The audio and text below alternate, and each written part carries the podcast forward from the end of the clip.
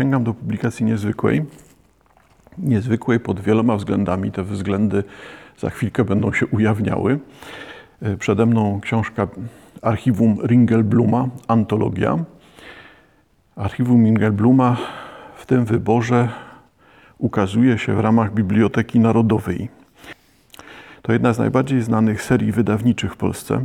Ukazanie się tekstu w tej właśnie edycji jest wyróżnieniem albo jest czymś, co zwraca na siebie uwagę czytelników w Polsce, nie tylko ze względu na to, że to są wzorcowe opracowania pod kątem edytorskim czy wzorcowe opracowania naukowe, e, tylko ze względu e, na to, że skoro seria Biblioteki Narodowej zajmuje się publikacjami typu Mickiewicz, Słowacki, Krasiński, tak wymieniając nie wiem czemu pierwszych romantyków, czy publikacją dzieł Kochanowskiego, czy publikacją poezji narodowej, to są wszystko te umowne kamienie milowe, oj ta metafora coś taka obciążona ostatnia, czyli to są te dzieła, które miały największy wpływ na kształtowanie się literatury polskiej, czy są najmocniej obecne w historii literatury polskiej. No to co w tym niezwykłego? No ta niezwykłość będzie nam się ujawniała, patrząc na to pod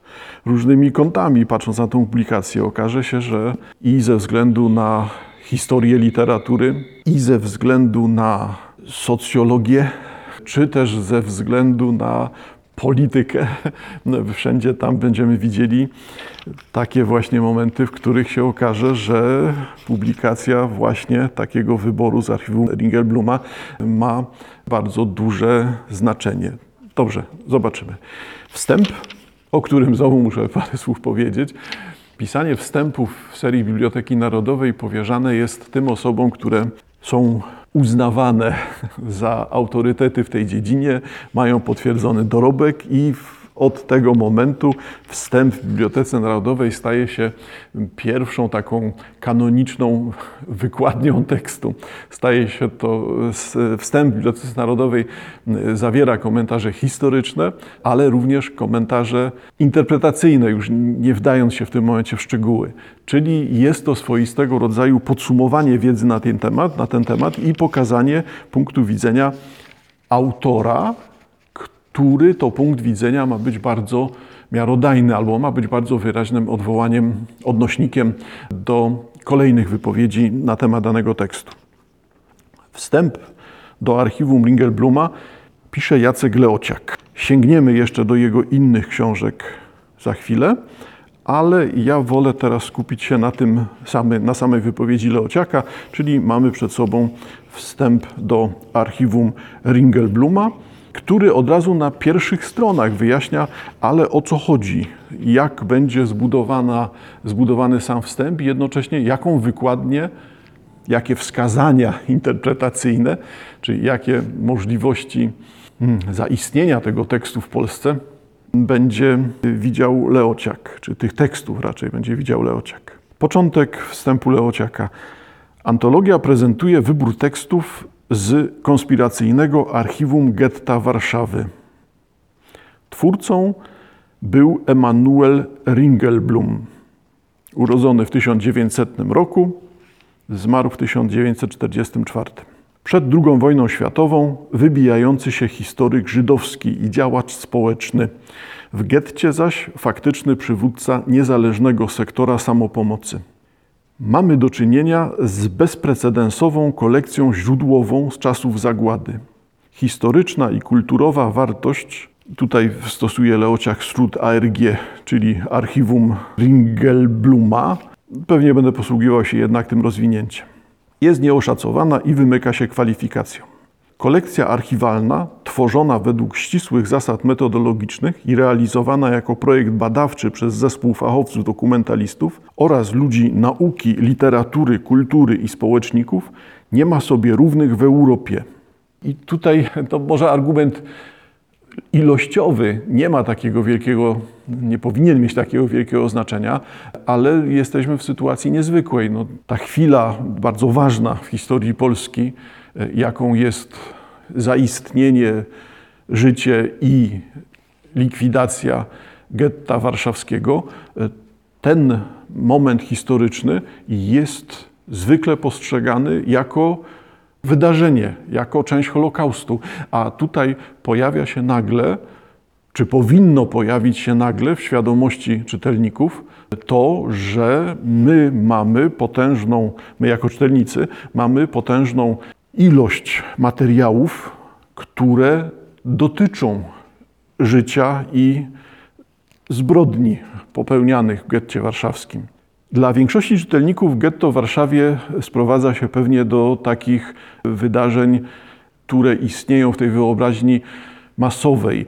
Mam na myśli na przykład rozpoznanie tej sytuacji w getcie, czy też tego, co się działo w Warszawie szerzej, czy też tego, co działo się chwilkę przed, w czasie i, i po wojnie, już w niewielkim zakresie, w, takich, w ciągu takich obrazów jak na przykład pianista. Mam tutaj na myśli zarówno książkę, jak i film. Wobec tego, jeżeli ktoś kojarzy to tym trybem takim obrazowym, jeżeli ktoś rozpoznaje wydarzenia w getcie warszawskim e, tylko kojarząc je z filmami czy popularnymi książkami, może odnieść wrażenie, że wszystko to odbywa się w takim tempie, że zagłada w tym fragmencie odbywa się w takim tempie, że nie ma tutaj możliwości na to, żeby zaistniały jakiekolwiek źródła, komentarze, opinie, relacje świadków. No a okazuje się, że one istnieją, dostępne są dla historyków już od kilkudziesięciu lat.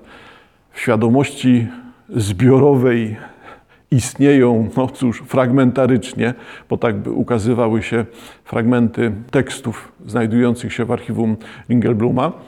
To pytanie, czy w takim razie edycja w Bibliotece Narodowej, ta edycja sztandarowa w Polsce, wskazująca na teksty będące filarami literatury w naszym języku, czy ta edycja doprowadzi do tego, że teksty te zaistnieją też w świadomości czytelników. No cóż, to jest już to pytanie, kto czyta, kto nie czyta i tak dalej. To nie jest temat na dzisiaj. Czyli Leociak zaczyna od podkreślenia, Historyczna, kulturowa wartość archiwum Ringelbluma jest nieoszacowana, wymyka się kwalifikacjom.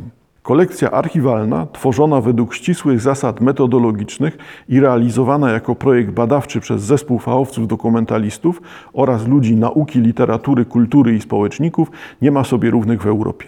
W żadnym bowiem miejscu okupowanej Europy, w żadnym skupisku żydowskim egzystującym pod niemieckim terrorem nie podjęto inicjatywy na tak wielką skalę.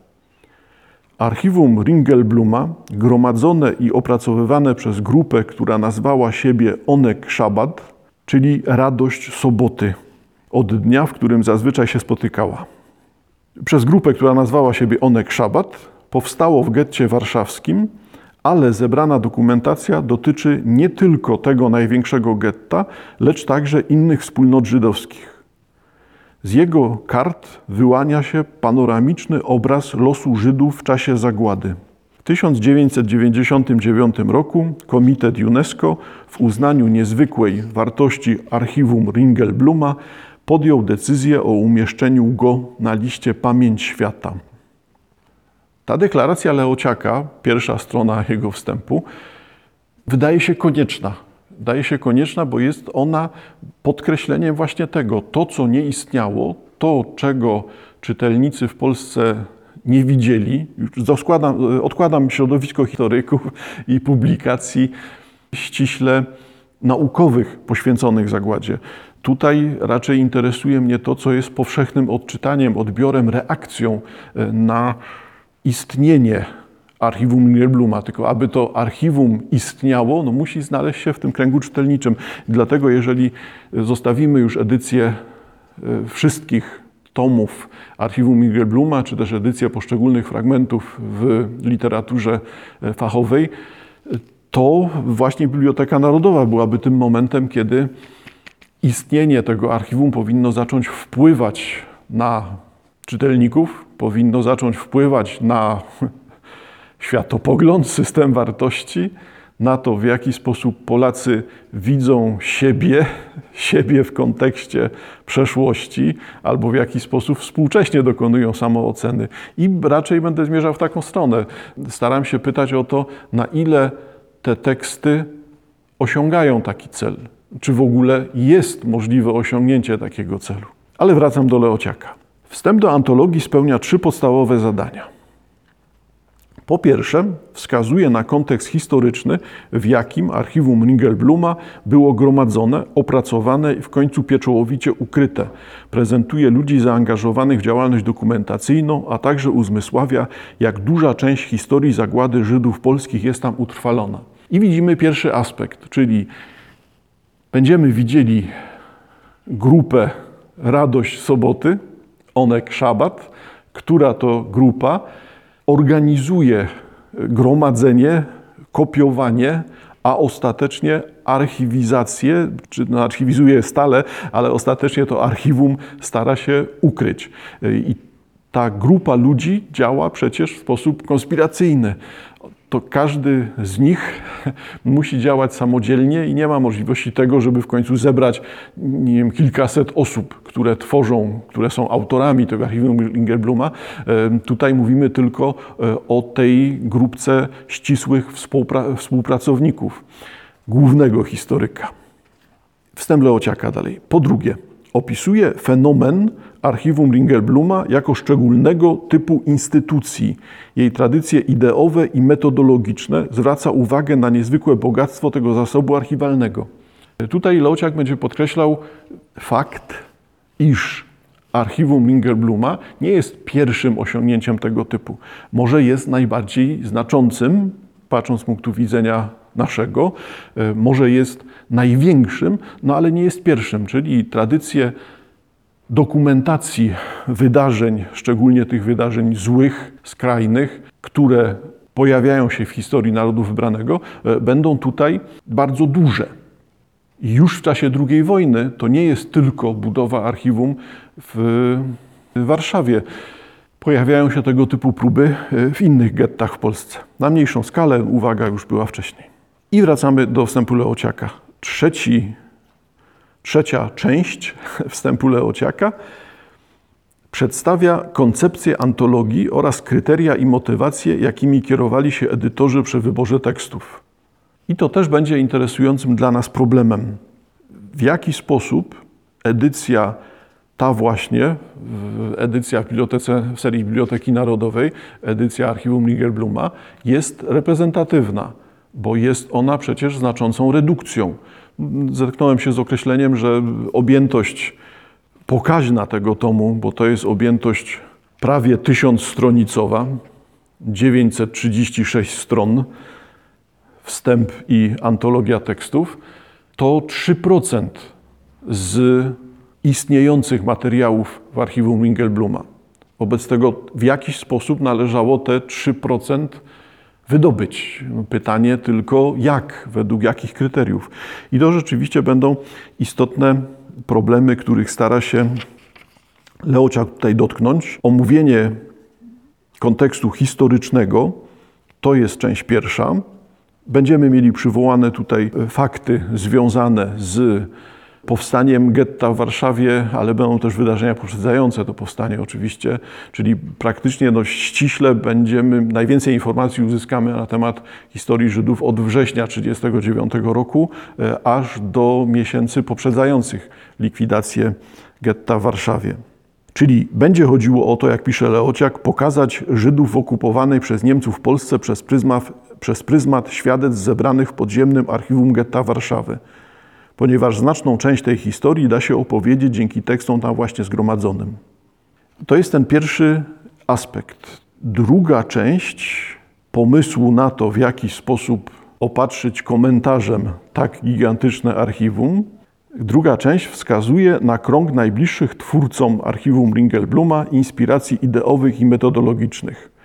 Odwoływali się oni do prac Żydowskiego Instytutu Naukowego w Wilnie – z którym Ringelblum był ściśle związany jako członek sekcji historycznej i Komisji Historii Żydów w Polsce.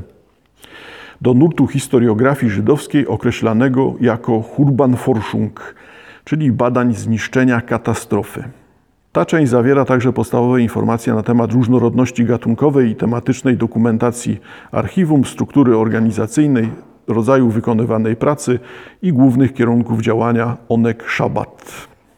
I znów Leociak. Część trzecia objaśnia przyjętą koncepcję, kryteria wyboru tekstów, zasady ich uporządkowania, specyfikę prezentowanej antologii, czyli to, co odróżnia ją od istniejących już wyborów dokumentów z archiwum Ringelbluma. Materiały zgromadzone w podziemnym archiwum getta Warszawy są bezcennym źródłem historycznym, ale są także świadectwem doświadczenia zagłady, rozumianym w kategoriach moralnych i egzystencjalnych. Są świadectwem doświadczenia radykalnie nowego, wobec którego dotychczasowe formy wyrazu zawodzą i wobec którego język wydaje się bezradny. Tutaj Jacek Leociak podsumowuje najczęstszą reakcję odbiorcy na zderzenie się z Holokaustem. Tą reakcją jest bezradność, poczucie rezygnacji. Nie da się tego wyrazić, nie da się tego opowiedzieć, nie można nic z tym zrobić. Nic z tym zrobić, nie można sobie poradzić językowo, intelektualnie, emocjonalnie e, z tym, co jest zawarte w zagładzie.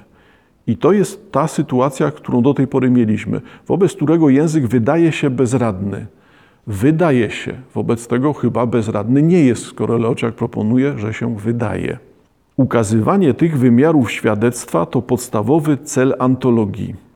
Nie chodzi tu bowiem o wyczerpujące i reprezentatywne przedstawienie rozległego spektrum podejmowanych przez Onek Szabat zagadnień, ani o prezentację przykładów wszystkich rodzajów dokumentów archiwalnych. Czyli Leociak rezygnuje z pokazania zróżnicowania, bogactwa, skomplikowania, czy też zawartości merytorycznej e, ogromnej części dokumentów. Nie jest dla niego interesujące to, co również w archiwum Ringelbluma jest zawarte, czyli wszelkiego rodzaju dokumenty będące e, tabelami, podsumowaniami, danymi o charakterze obiektywnym, czyli to, co zapewne najbardziej pasjonuje historyków. Tutaj dla Jacka Leociaka istotne jest skupienie się na innym kontekście. Znów Leociak. Konstytutywny dla koncepcji tej antologii jest sposób zapisu doświadczenia. Czyli nie chodzi o to, aby rozbudowywać faktografię. To już istnieje. Nie do końca mam tutaj rację, no ale załóżmy, że nie chodzi o skupienie się na faktach, które potwierdzają znane fakty. Tym razem chodzi o to, aby prześledzić sposób zapisu doświadczenia, aby dzięki archiwum Ringelbluma dotrzeć do tego, człowiek nie jest niemy wobec zła, że reakcją na zło może być język.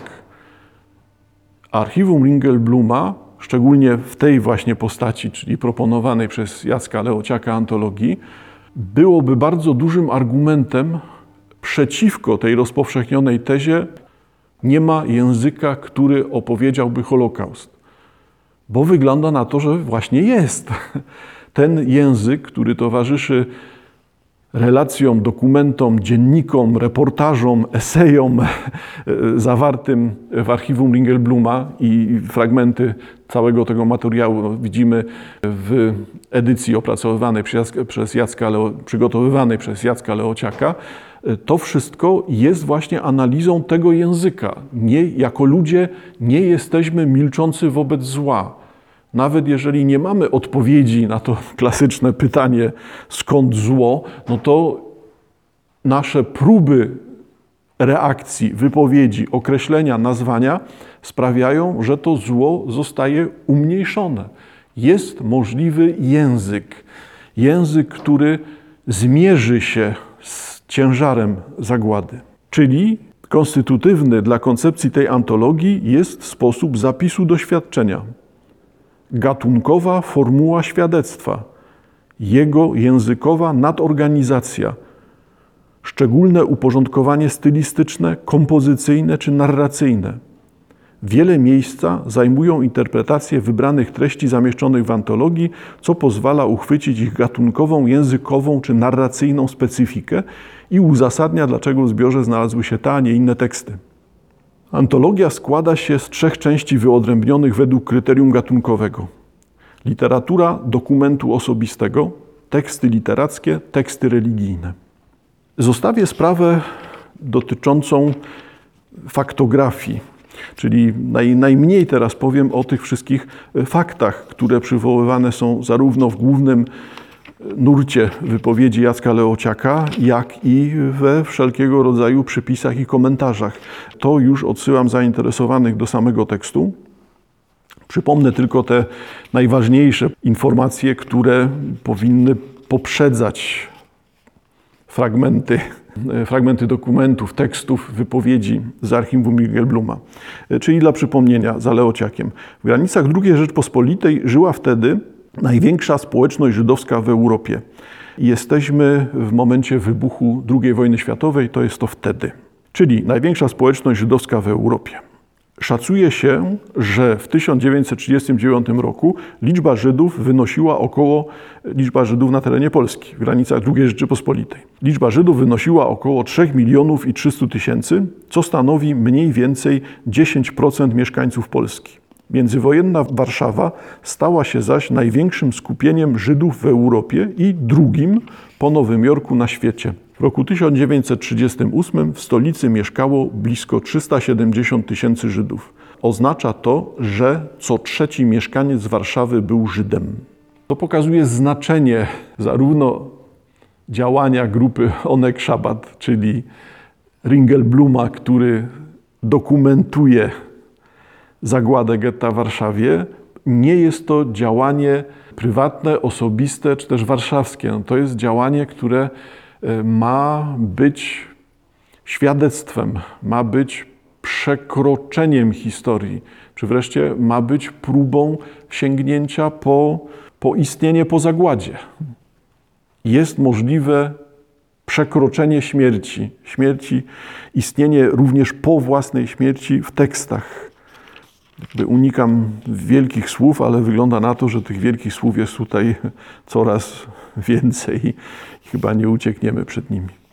Działania Ringelbluma związane pośrednio już z dokumentowaniem, ale szerzej z działalnością społeczną, którą Ringelblum, Emanuel Ringelblum będzie prowadził, powiązane są między innymi z faktem takiego właśnie wydarzenia, które dla Polaków współcześnie jest no, nieznane tak się waham właśnie mówiąc to, bo, bo powoli będziemy docierać właśnie do tego, co jest dla mnie jednym z najbardziej interesujących aspektów powiązanych z publikacją archiwum Ringelbluma e, w serii Biblioteki Narodowej.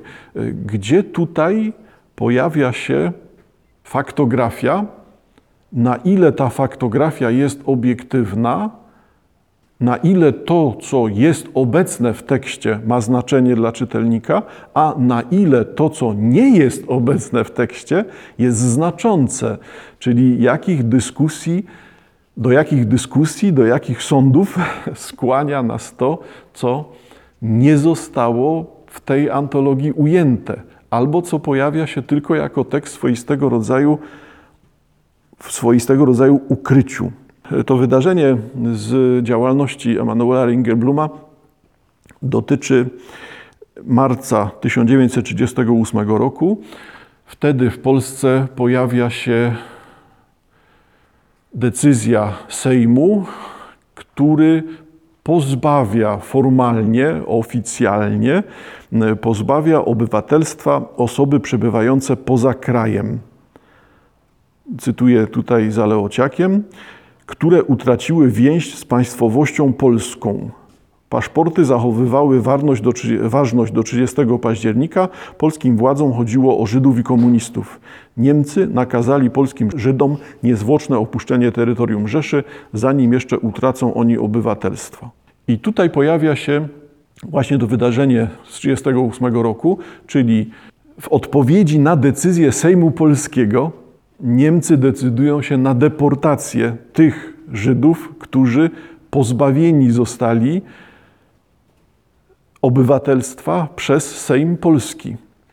A z kolei władze polskie odpowiedzi na tą deportację blokują granice, nie wpuszczając tych osób, które uprzednio miały obywatelstwo polskie, paszporty polskie i nagle mamy do czynienia z e, potężną grupą bezpaństwowców, wypędzeni z terenu III Rzeszy, nie są wpuszczeni na terytorium Polski i nagle mamy około 17 tysięcy ludzi, którzy uwięzieni są w przestrzeni niczyjej. Pomiędzy III Rzeszą a Polską znajduje się 17 tysięcy osób, które nie są ani wpuszczane do Polski, ani nie mają powrotu na tereny III Rzeszy. Sytuacja trwa długo. Ostatecznie dzięki między innymi działalności Ringelbluma zostaje to, ta, ta społeczność e, buduje sobie sposób na przetrwanie, organizuje siebie, udziela sobie nawzajem pomocy. Mm, To jest ten pierwszy efekt działalności Ringelbluma, takiej właśnie społecznej. Później jego działalność w tych kręgach samopomocowych na terenie getta będzie bardzo czytelna, czy też bardzo ważna. Tutaj natomiast docieramy do tego, co jest w dziwny sposób wyrzucane. Czyli mamy przed sobą tekst wstępu, ale fragment, który Państwu przeczytałem, znajduje się w przypisach. Dobrze, że znalazł się w przypisach, ale nie znalazł się w głównej wypowiedzi. Dla mnie w czasie lektury wstępu najbardziej wstępu Leociaka najbardziej interesujące właśnie było to, gdzie tutaj są jakieś przesunięcia, gdzie tu pojawia się coś, co powinno znajdować się w tym wstępie, a w tym wstępie się nie znajduje. Wyraźnie pojawiają się przemilczenia, pojawiają się luki w wypowiedzi. One czasami są treścią przypisów, ale najczęściej są to rzeczywiście puste miejsca. W przypadku braku tej świadomości lekturowej okaże się, że możemy bardzo łatwo przyjąć ten ciąg wypowiedzi głównej, nie zwracając uwagi na to, co tutaj dzieje się w tle. A w tle trwa nam właśnie dyskusja. Dyskusja o roli Polaków w trakcie zagłady getta warszawskiego.